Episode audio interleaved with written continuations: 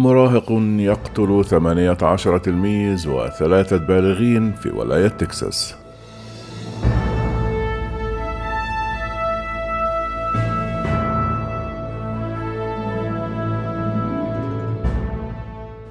أعلنت شرطة ولاية تكساس ارتفاع عدد قتلى إطلاق النيران في مدرسة ابتدائية بالولاية إلى 18 طفلا وثلاثة بالغين فيما نقل ثلاثة جرحى إلى المستشفى في حالة خطيرة. كما أعلن حاكم ولاية تكساس جريت أبوت أن 14 طالبا ومعلما على الأقل قتلوا عندما فتح مسلح مراهق النيران على مدرسة ابتدائية في الولاية وفق ما نقلته وكالة الإعلام الأمريكية. وقال حاكم الولاية أن المشتبه به الذي عرف باسم سلفادور راموس والبالغ من العمر 18 عاما قتل أيضا على ما يبدو على أيدي ضباط الشرطة الذين انتقلوا إلى موقع الحادث وأن اثنين من هؤلاء الضباط أصيبا بإطلاق النيران غير أن الحاكم قال أن إصابتهما ليست خطيرة.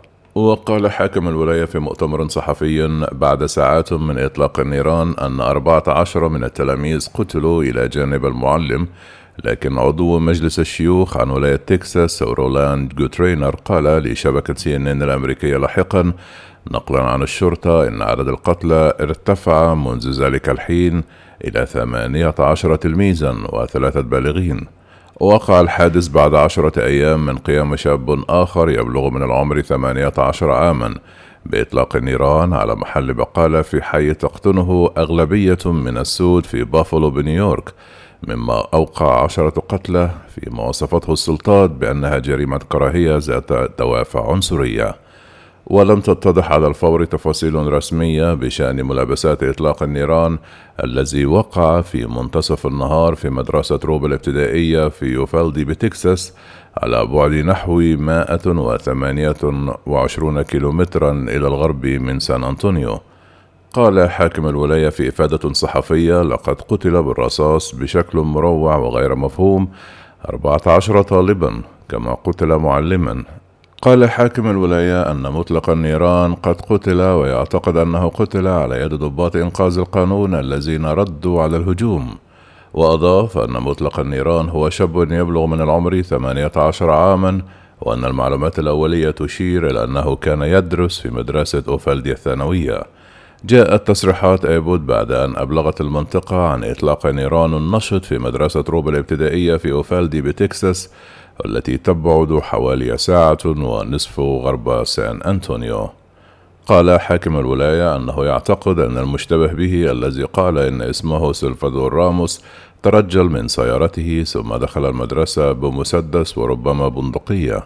كما أوضح إبوت أن الشاب أطلق النيران وقتل بشكل مروع وغير مفهوم. أربعة عشر طالبا كما قتل معلم. ذكرت وسائل إعلام أمريكية أن المعلومات الأولية تشير إلى أن الشاب المشتبه به. أطلق النيران على جدته قبل أن يدخل المدرسة وينفذ هجومه لكن السلطات الرسمية لم تؤكد ذلك بعد.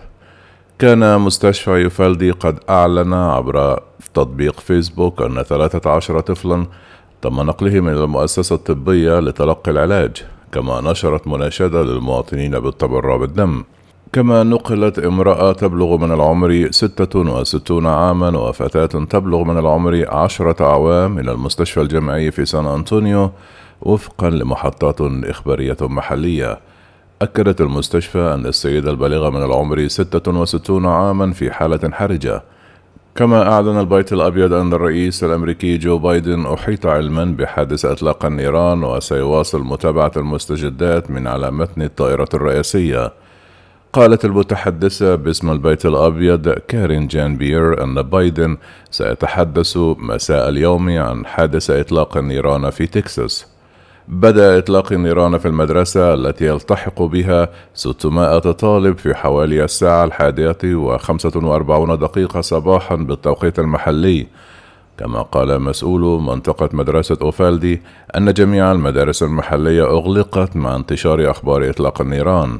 تم إجلاء الطلاب والمعلمين إلى المركز المدني بالمدينة حيث تم إخبار أولياء الأمور أنه يمكنهم الآن اصطحاب أطفالهم.